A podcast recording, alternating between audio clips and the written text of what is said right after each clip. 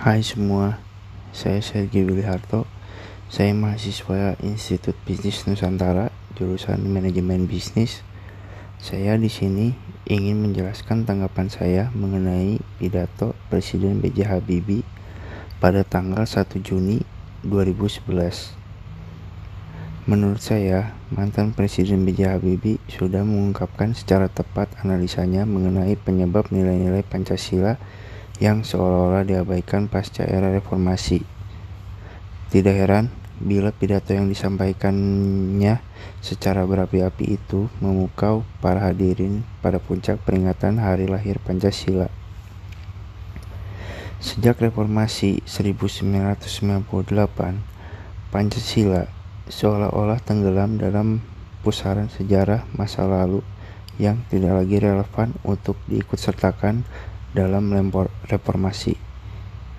Situasi dan lingkungan kehidupan bangsa yang telah berubah, baik di tingkat domestik, regional, maupun global, membuat Pancasila seolah lenyap dari kehidupan masyarakat Indonesia. Beberapa perubahan yang kita alami antara lain terjadinya proses globalisasi dalam segala aspeknya. Perkembangan gagasan hak asasi manusia atau HAM yang tidak diimbangi dengan kewajiban asasi manusia.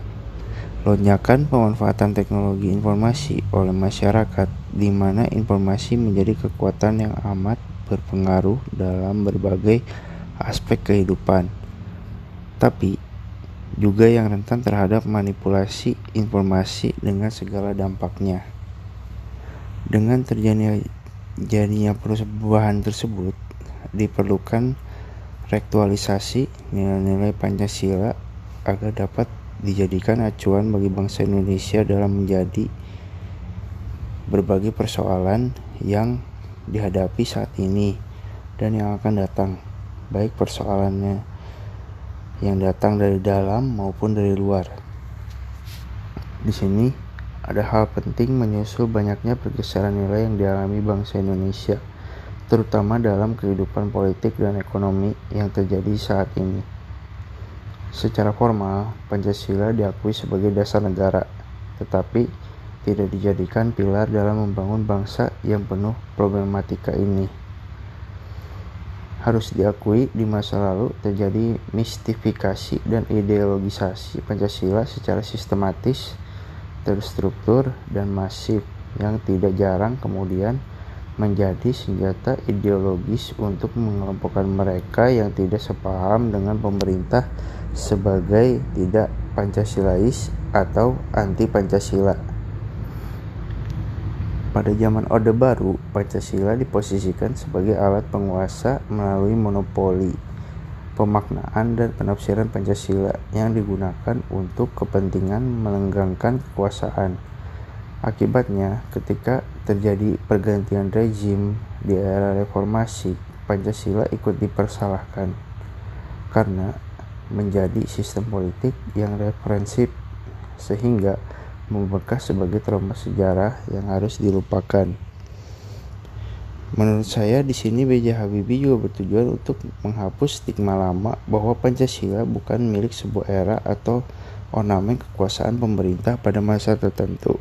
Tapi Pancasila adalah negara dasar negara Indonesia yang berdaulat dan demokratis. Pengaitan Pancasila dengan sebuah rejim pemerintahan tertentu merupakan kesalahan mendasar karena Pancasila bukan milik sebuah era atau kekuasaan pemerintah pada masa tertentu. Pancasila juga bukan representasi sekelompok orang, golongan atau order tertentu. Pancasila adalah dasar negara yang akan menjadi pilar utama yang bernama Negara Kesatuan Republik Indonesia. Sepanjang Indonesia masih ada, maka Pancasila akan menyertai perjalanannya. Rejim pemerintahan akan berganti setiap waktu dan akan pergi menjadi masa lalu. Akan tetapi, dasar negara dan akan tetap ada dan tak akan menyertai kepergian sebuah era pemerintahan. Di tengah problematika bangsa yang kompleks seperti sekarang, ini sudah saatnya kita dan terutama para generasi penerus negeri ini melakukan pemahaman akan nilai-nilai Pancasila dalam kehidupan berbangsa dan bernegara secara real dan konsistensi. Hal ini demi kepentingan bersama. Demikian tanggapan dari saya. Terima kasih.